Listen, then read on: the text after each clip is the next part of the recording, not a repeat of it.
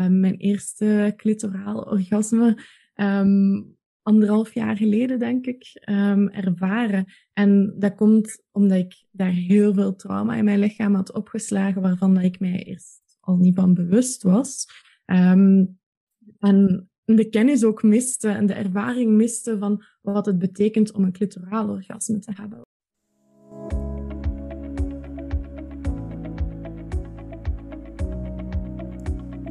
Bij een nieuwe aflevering van de Zelfbewuste Single Mom podcast.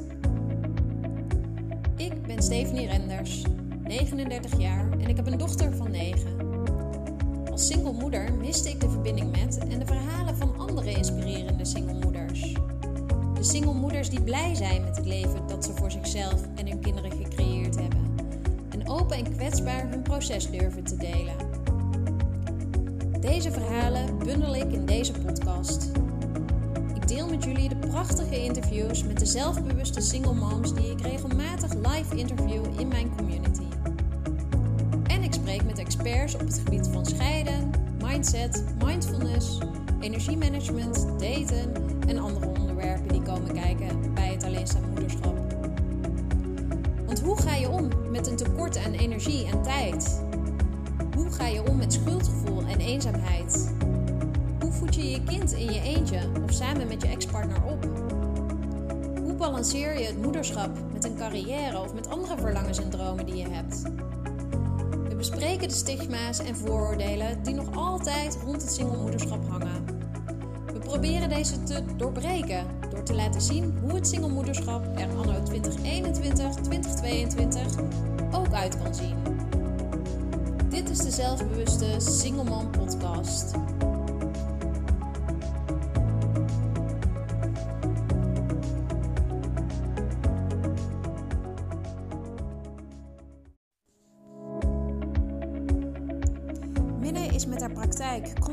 to Connection een vat vol kennis en ervaring als het gaat over bewuste intimiteitsbeleving.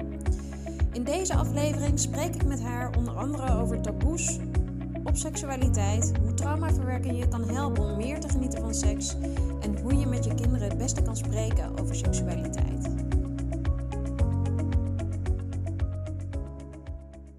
Welkom uh, Minna. Leuk om jou in de uitzending te hebben. Jij uh, bent uh, intimiteits- en seksualiteitscoach, om het heel even kort te beschrijven. Waarom ben jij gaan specialiseren in intimiteit en seksualiteit? Meestal als je zo'n specifiek thema voelt aankomen in je missie, dan is dat vaak omdat dat iets is dat dicht bij jou ligt. Hè? En, persoonlijke ervaringen. Dus dat was ook voor mij het geval. Um, ik voelde mezelf eigenlijk al als kind um, als een redelijk seksueel wezen. Um, in die zin van, ik had heel veel levensenergie, veel uh, creativiteit, heel veel goesting in het leven, maar dus niet per se echt in, seksualiteit, hoe we het kennen als volwassenen, echt in die ruimere zin van het woord. En misschien ook mogelijk door die energie of door andere redenen heb ik heel wat misbruik ook aangetrokken in dat thema van um, seksueel misbruik. En is seksualiteit voor mij in die puberjaren, waarbij dat ook net tot ontwikkeling verder zou komen, um, voor mij een heel groot donker thema vooral geweest. En heel veel um, negatieve ervaringen daar rond meegemaakt. Maar ik had wel heel sterk het gevoel van dit is iets waar ik door kan gaan. En um, door te voelen ook van wat de diepte is van de kracht, van de donkerheid van seksualiteit en misbruik daar rond, heb ik ook gevoeld, oké, in diezelfde diepte kan ik naar die andere polariteit ook gaan onderzoeken. Ja, wauw. Ik vind dat je het heel mooi beschrijft van die, die diepte van de donkerte. En ik denk dat daar bij heel veel mensen op seksualiteit um, die donkerte heel erg overheerst vaak. Als het gaat over wat mag ik? Wat mag ik verlangen? En um, wat is die donkerte dan precies? Welke taboes zijn er? Welke taboes uh, kom jij heel vaak tegen in je praktijk? Hmm, ik denk dat de grootste taboe dan misschien zelfs nog um, plezier is of genot is.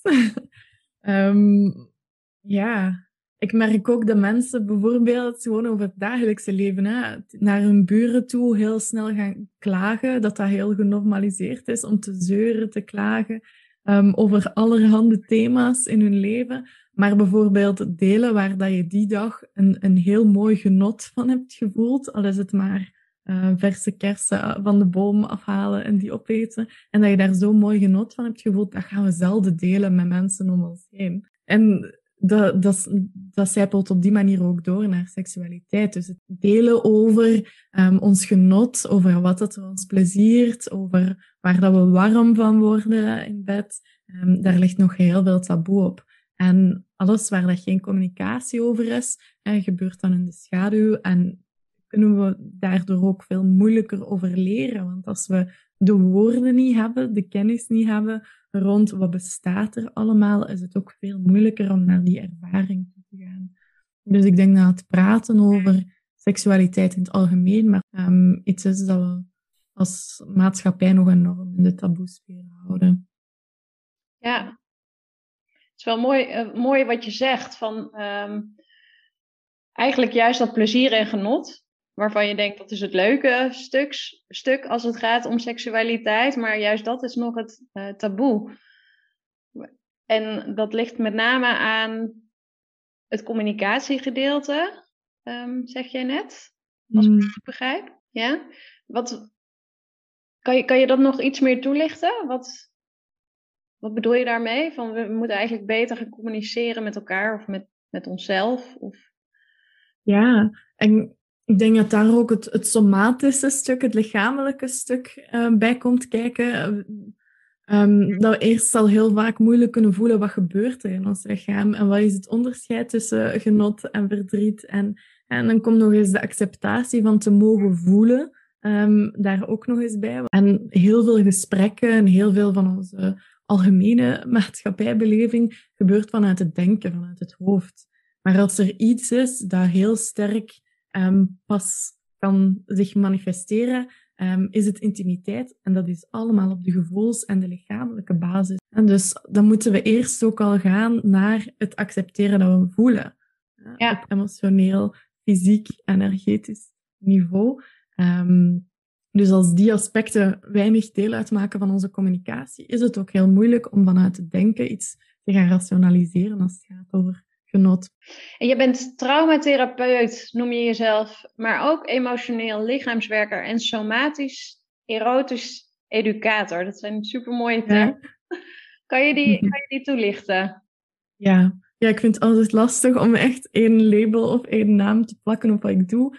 Um, ja, de, het traumatherapeut gedeelte gaat voor mij heel erg over het, het bewustzijn van onze trauma's. Ja, en iedereen heeft trauma uh, meegemaakt. Of dat nu trauma is met een kleine T, allemaal kleine dingetjes, of trauma met een grote T, echt wel grotere eventen waar dat iedereen wel even van de ogen zou opentrekken. Um, en dat heeft een impact op ons lichaam, op ons denken, op ons voelen, op ons zijn. En mm, ik heb gemerkt dat geen of weinig aandacht geven in het thema van seksualiteit aan trauma, ja, daar sla je een heel grote thema mee over. Um, dus ik heb, ben echt gaan bestuderen, gaan, gaan studeren ook in, in die thema's van trauma. Oké, welke impact heeft dat nu um, op ons en op ons, op ons lichaam? Ik ben zelf aan de slag gegaan. Ik heb nog maar um, mijn eerste clitoraal orgasme anderhalf jaar geleden, denk ik, ervaren. En dat komt omdat ik daar heel veel trauma in mijn lichaam had opgeslagen, waarvan dat ik mij eerst al niet van bewust was.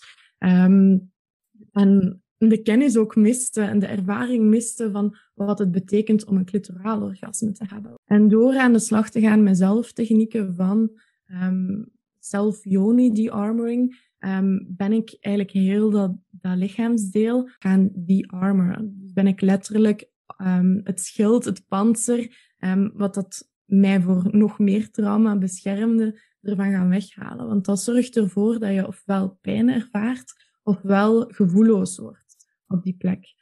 of, of snel irritatie krijgt. En door dat, daar zelf ook enorm aan te werken, ook onder begeleiding dan, um, ja, is dat schuld weggegaan. Ja, want in mijn hoofd was ik helemaal klaar voor die orgasmes. Maar mijn lichaam op die manier um, nog niet helemaal mee. Um, bij mij was het nu daar, maar bij iemand anders kan het over een heel andere plek of thema gaan.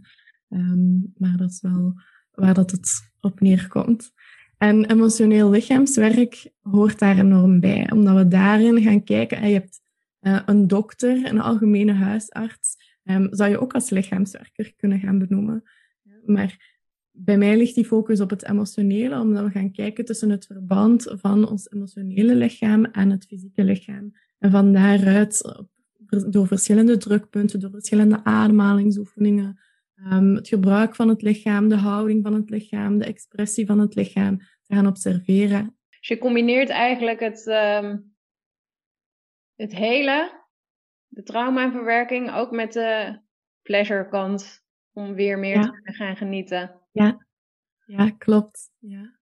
Ja, en dat is dan dat somatisch, erotisch educatorstuk komt daar dan nog eens bij, om dan te gaan voelen van, oké, hoe kan ik nu via mijn lichaam toegang krijgen tot genot, tot plezier en tot traumaverwerking. Ja. dus niet vanuit de kennis alleen, vanuit boeken of seksuele opvoeding, van gebruik dit of doe dat of doe deze drie stappen en je komt tot een orgasme maar eerder van wat voel ik nu en hoe kan ik mijn eigen flow volgen? Hoe kan ik mijn, de taal van mijn lichaam gaan begrijpen om tot mijn eigen staat te geraken van verwerking of van um, energietransmissie in het lichaam? Ja, dus je begeleidt, um, ik zeg nu vrouwen, maar misschien begeleid je ook mannen? Ja, ook mannen. Ja, dus je begeleidt mensen eigenlijk om veel meer in dat uh, gevoel te komen, in het lijf te komen ook. Mm -hmm. Ik kan me zo voorstellen dat um, heel veel vrouwen die nu ook zitten te luisteren, uh, heel erg wel op, uh, op mindset gericht zijn en ook heel erg goed weten wat hun overtuigingen zijn of beperkende overtuigingen en wat hun nog in de weg zit en waar dat vandaan komt. Maar inderdaad, om dan die stap te maken van ja, maar ga het ook eens echt voelen wat daar dan gebeurt in je lijf, dat is natuurlijk een hele moeilijke. Mm Hoe maak jij die sprong, zou ik willen zeggen, maar misschien is het ook geen sprong, misschien gaat het geleidelijk. Mm Geleid jij mensen daarin om vanuit dat hoofdstuk veel meer in het lijfstuk te komen?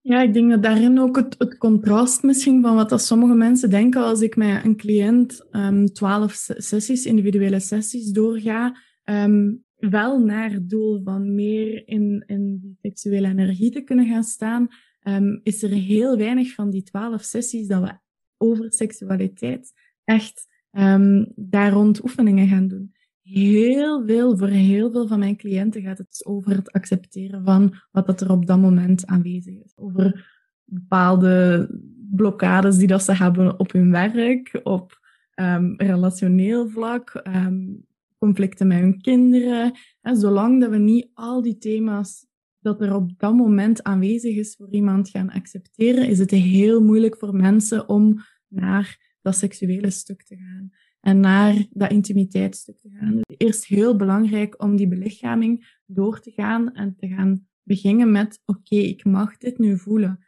En, en waarom is dat um, zo belangrijk om dat eerst te gaan doen? Hmm voor mij is dat bijna een stap dat je niet kan overslaan, maar dat kan heel snel gaan tegelijkertijd ook. Hè. Ik zeg nu, bij sommige mensen heb ik daarvoor echt heel veel sessies nodig, maar bij sommige mensen die maken onmiddellijk die klik. En als je dat oefent, genoeg oefent, kan dat ook heel snel gaan. Als ik voel van, oh, ik heb um, op dit moment, ik ga, even voelen, dan kan ik direct het, het waarachtige ja. voorbeeld geven van op dit moment. Hmm.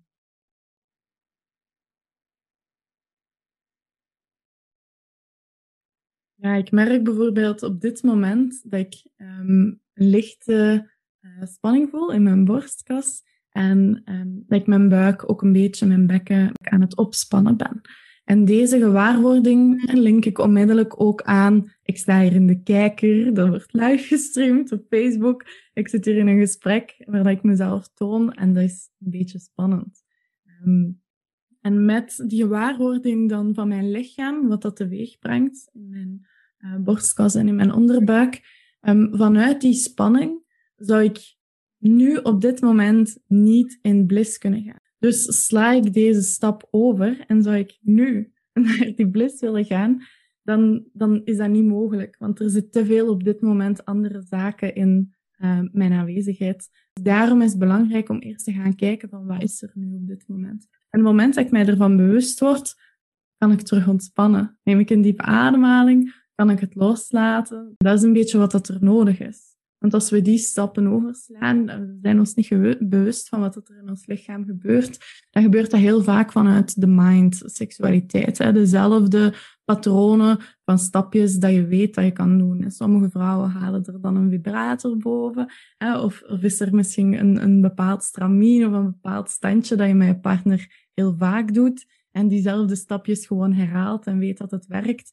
En op die manier ja, dan gaat dat in gang gezet worden, maar gaat er niet naar het echte lichaam geluisterd worden van wat heb ik op dit moment nu nodig. Ik vond het heel mooi dat jij echt benoemde feitelijk wat er in je lijf gebeurde. Je zegt van ik mm. spanning in mijn borst en bij mijn bekken voel ik dat het daar gekanteld zit, zei jij. En mm. jij koppelt dat voor jezelf aan het gevoel van spanning. Dat zal bij iedereen anders zijn, hoe je dat dan... Mm. Uh, en dat is een beetje de essentie van leer je lijf kennen dat soort signalen dan wellicht ook.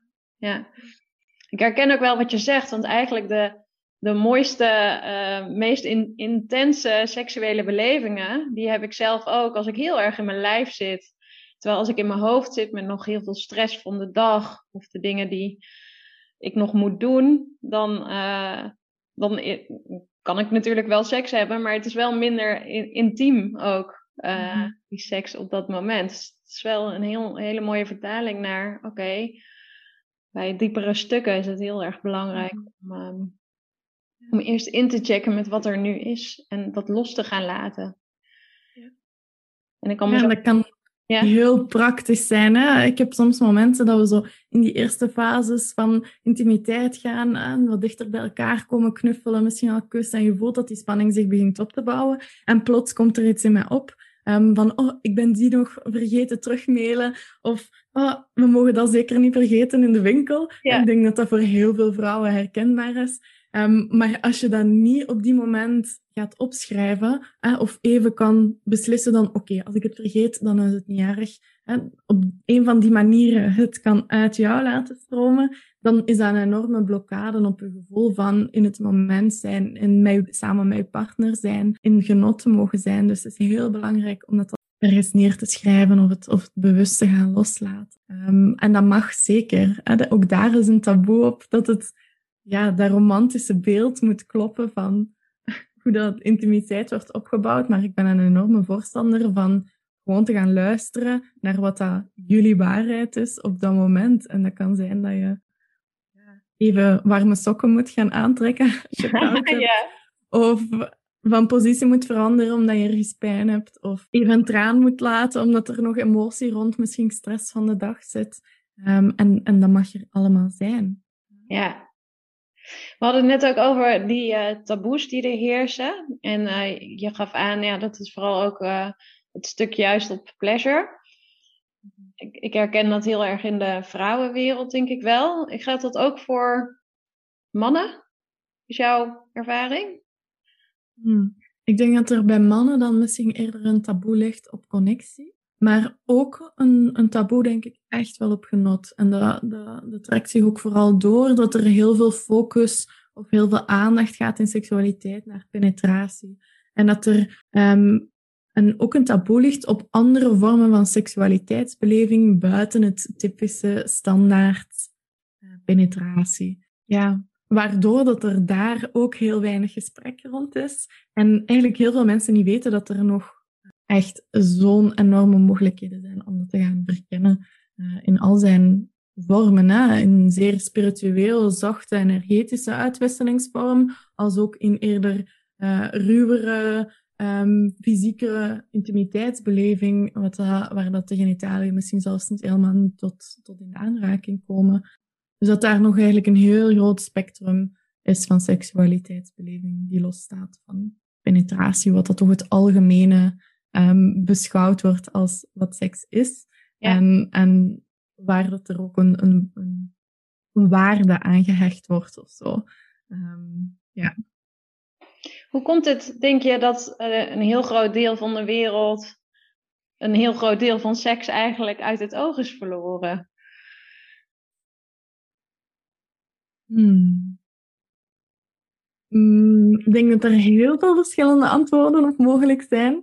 Ehm, maar ik denk een van de, de kernpunten is daar misschien in dat seksualiteit een enorme, enorme, enorme kracht bezit.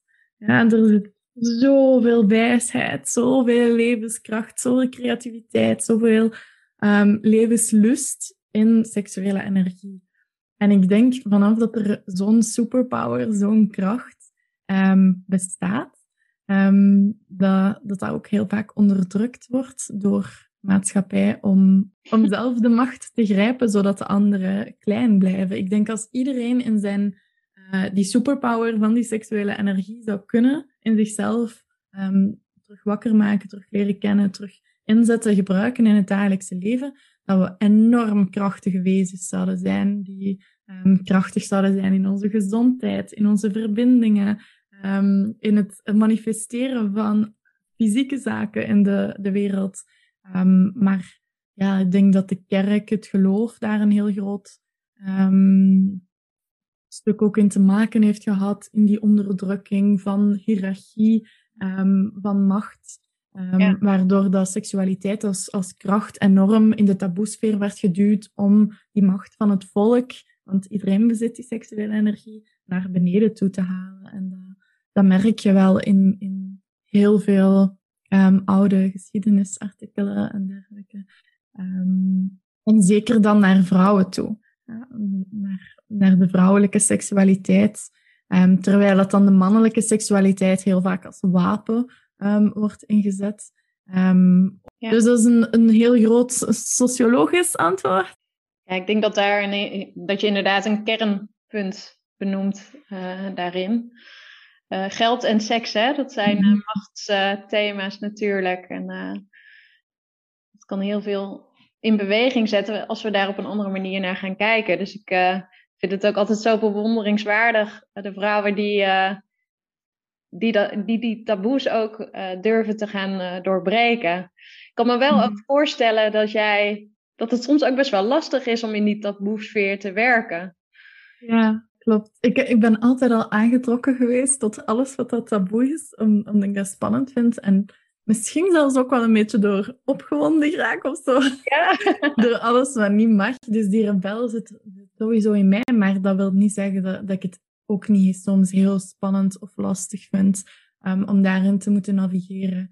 Um, ja, ik merk naar um, zeker in de eerste fase van het naar buiten komen met mijn verhaal, met met mijn voorbeelden, met mijn leven in uh, seksuele kracht, um, dat, ja, dat mijn, mijn familie daar op botste. Van wow, je zit jezelf daar in een heel kwetsbare positie. Um, volgens hen, om, om, om daarmee op die manier zo publiekelijk naar buiten te komen.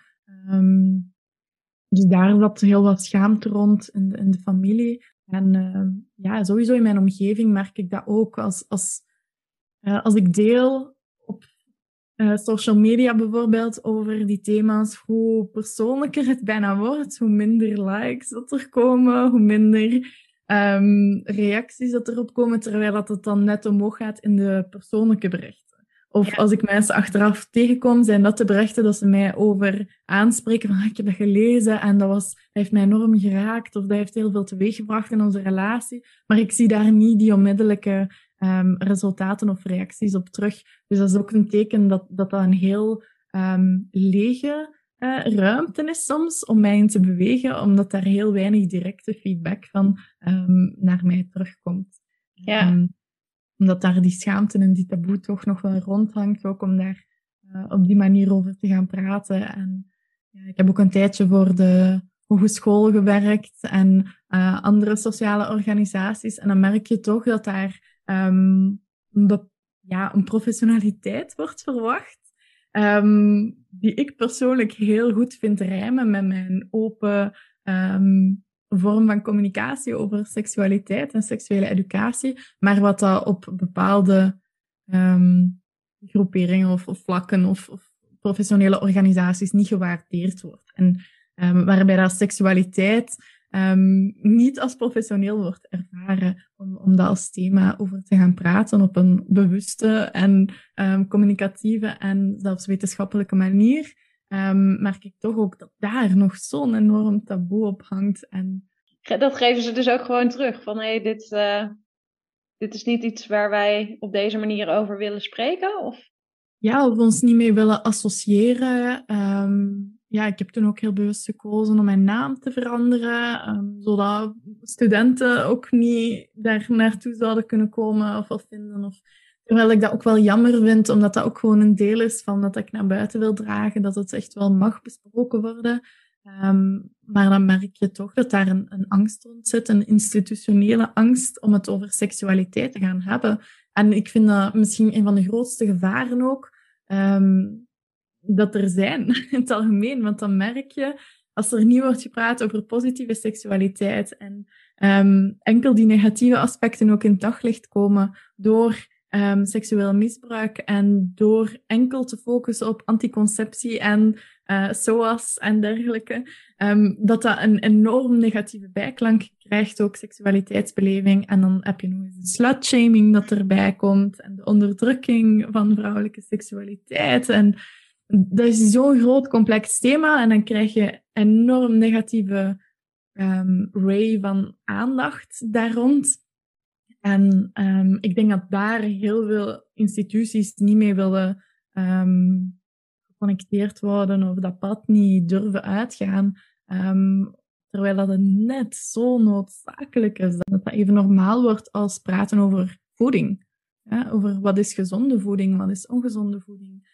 Um, hoe verander je je leefstijl, levensstijl door voeding? Uh, welke impacten heeft het? Um, de normaliteit waarover dat we praten over voeding wens ik op het thema seksualiteit echt toe. Ja, en zie je al wel een verschuiving van hoe dat nu bij jongeren besproken wordt als toen bij ons wellicht in onze generaties? Zit daar al een verschuiving in of blijft het een beetje binnen de marges hangen waarin het mag, zeg maar. Ja, ik denk dat met de nieuwe jonge generatie, dat die een hele grote uitdaging aan eh, of hebben. Um, dat, dat onze generatie, als, als ook jou, de community waar dat, dat je hebt van moeders, misschien minder mee in aanraking zijn gekomen. Omdat ik het dan vooral heb over de online um, wereld waarin dat we leven, die toch wel ook nog heel andere uitdagingen met zich meebrengt. Enerzijds is um, seksuele educatie en heel veel verschillende vormen daarvan veel toegankelijker geworden. Maar anderzijds zijn er ook heel wat andere um, gevaren van het online gegeven. Um, merk je dat er heel veel toegankelijkere vormen ook van seksueel misbruik daardoor aan de, aan de band komen door misbruik met foto's door te sturen. ja, het normaliseren dan van ik ben heel erg voorstander dat, dat sexting mag genormaliseerd worden, maar het, het misbruik wordt daar ook mee genormaliseerd om foto's daarna door te sturen. Dat vind ik toch ook wel heel bezorgend. En dat is een angst, denk ik, waar dat wij als, of ik wel nog net, um, maar um, een angst waar dat toch heel veel oudere generaties niet um, mee hebben moeten worstelen als tiener. Want ook als tiener is het dan vaak heel moeilijk om al die gevaren te kunnen inschatten. Dat is misschien ook nog wel een mooie vraag, want ik, ik heb zelf een dochter van negen, die begint af en toe wat vraagjes te stellen en dan vertel je de antwoord en dan zie je er nadenken en dan moeten ze dat even verwerken. Dat is een beetje de status op dit moment. Um, maar ik kan me voorstellen dat als ze wat ouder wordt, hoe, hoe... Jij bent zelf ook plusmama hè? van uh, twee dochters die al wat ouder mhm. zijn. Hoe praat jij met, met, met hen over seksualiteit? Heb je daar nog goede tips voor? Of, um... ja, ja, ik ben super eerlijk. En ik denk dat dat de basis is van voor elke ouder die met uh, jongeren of minderjarigen, welke leeftijd dan ook, um, over praat, over intimiteit, lichaam, um, seksualiteit en Um, van daaruit ben ik heel eerlijk over eigen ervaringen, maar ze hoeven zeker ook niet alles te weten. Daar vragen ze ook niet naar. Ik denk dat er weinig kinderen alle details willen horen. Ja, als het gaat over um, menstruatie bijvoorbeeld, ga dat gesprek aan van oké, ze zijn misschien maandverband gewoon um, als het gaat over meisjes, maar wat met tampons of heel wat andere zaken waar dat ik nog meer voorstander van ben, dan is tampons misschien de laatste, maar door dat uh, gesprek aan te gaan um, met een 15-jarige heb ik daaruit gemerkt dat zij heel veel zaken over het uh, vrouwelijke geslachtsorgaan niet wist. Ja, en dat zij het gevoel had of, of het idee had dat ze misschien dan niet meer kon gaan plassen als ze een tampon in had.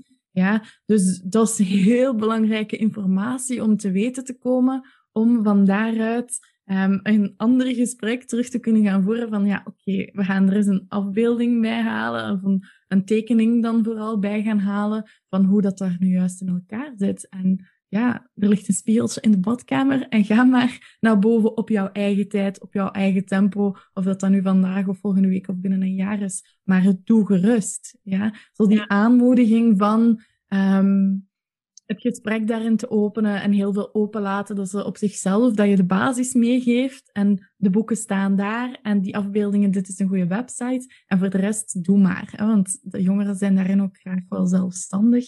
En dan moet je ze zeker niet bij de hand nemen om alles voor te gaan doen. Maar, maar wees wel heel transparant en open. En daarin ook is het, is het vaak goed om wel goede bronnen ook mee te geven. En um, ja, van, vanuit jezelf te praten. Van wat heeft met jou uh, anticonceptie gedaan? Of um, heb jij ooit moeten oefenen op het gebruik van um, condooms? Of heb je zelf schaamte ervaren rond masturbatie? En um, door, door die gesprekken aan te gaan, ja, merk je toch dat, dat ze heel veel leren en een normalisering krijgen ook van wat dat echte seksualiteitsbeleving is.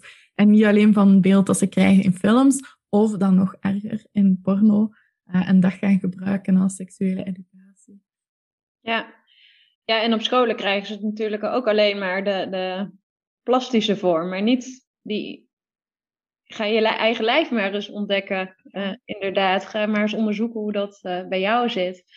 En ik merk in, uh, bij veel vrouwen die uit een scheiding komen, die, daar komt ook vaak zo'n beweging op gang dat je toch weer opnieuw je vrouwelijkheid gaat ontdekken bent vaak lang, in een lange relatie geweest.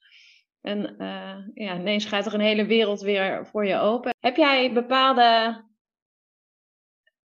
oefeningen, een kleine stap bijvoorbeeld, waar deze vrouwen eerst eens mee kunnen beginnen? Want je zei al van ja, het gaat ook vooral over momenten in het nu kunnen mhm. accepteren, dat wat er is. Dat is eh, stap 1. Maar hoe ga je ook je eigen lijf weer opnieuw leren ontdekken? Of misschien op een dieper niveau leren ontdekken? Ja, ik denk dat zelfzorg daar een mooie stappen zijn. Um, en daaruit heb ik bijvoorbeeld voor mezelf geleerd door mezelf te gaan aanraken. En dat hoeft echt zeker niet enkel op um, erogene zones te zijn. Maar heb ik bijvoorbeeld geleerd dat aanraken van mijn onderarm zeer prettig aanvoelt. En mij heel erg in mijn lichaam en tot rust en in een soort van zachte genotstaat kan brengen. Um, en dat kan je alleen maar leren door het zelf te gaan ontdekken. Wat zijn jouw aangename plekjes? Ja. Misschien is het een stukje van achter in jouw nek of um, boven jouw wenkbrauw of weet ik veel.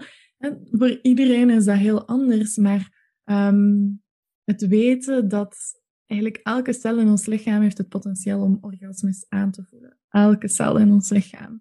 Dus het gaan verkennen groter dan de erogene zones kan al een eerste stap zijn. En dan kan het interessant zijn voor mensen om te doen wat ik ook aan jonge meisjes vraag, om eens met een spiegeltje bijvoorbeeld tussen de benen te gaan kijken.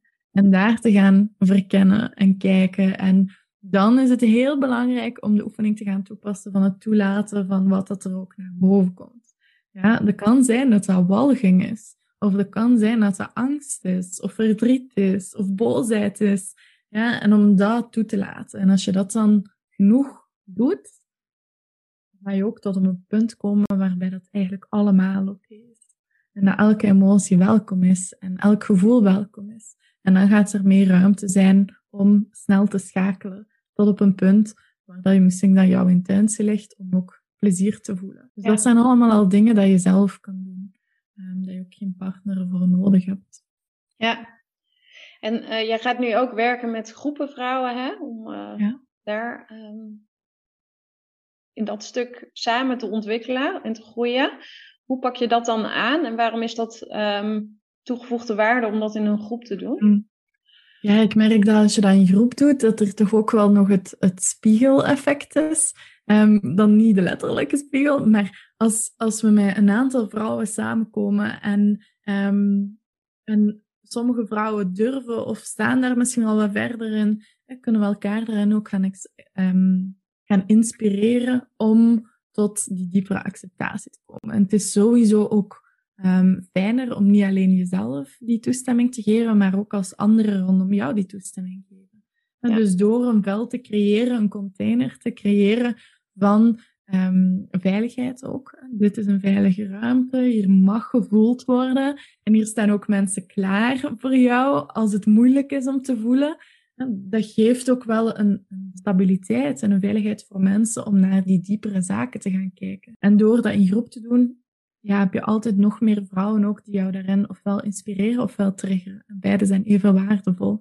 Ja, dus het wordt uh, vooral ook een traject waarin er um, veel gedeeld wordt, maar ook veel gevoeld gaat worden. Ja. ja. Ja. de focus gaat echt zijn op voelen, voelen, ervaring. We gaan ook kennis delen en ervaringen delen met elkaar, maar het gaat echt over die lichaamsbeleving gaan. En um, echt daarin mogen zakken en dieper mogen zakken. En daarom dat ook in drie weekends gaat zijn, zodat we tussendoor echt kunnen gaan integreren van wat er nu gebeurd is. Want we hebben ook geleerd in die seksualiteit, en dat is misschien ook weer een manier van onderdrukking, maar om heel veel vrouwen zien elkaar als concurrentie bijvoorbeeld. Ja. Of vergelijken heel erg. Ik geloof dat het vergelijken van ons lichaam, ons zijn, um, ook ingezet geweest is als een soort van manipulatie om elkaar klein te houden. Want als we als vrouwen elkaar gaan inspireren, elkaar gaan liften, ga je zelf ook mee omhoog. En dat is die empowerment.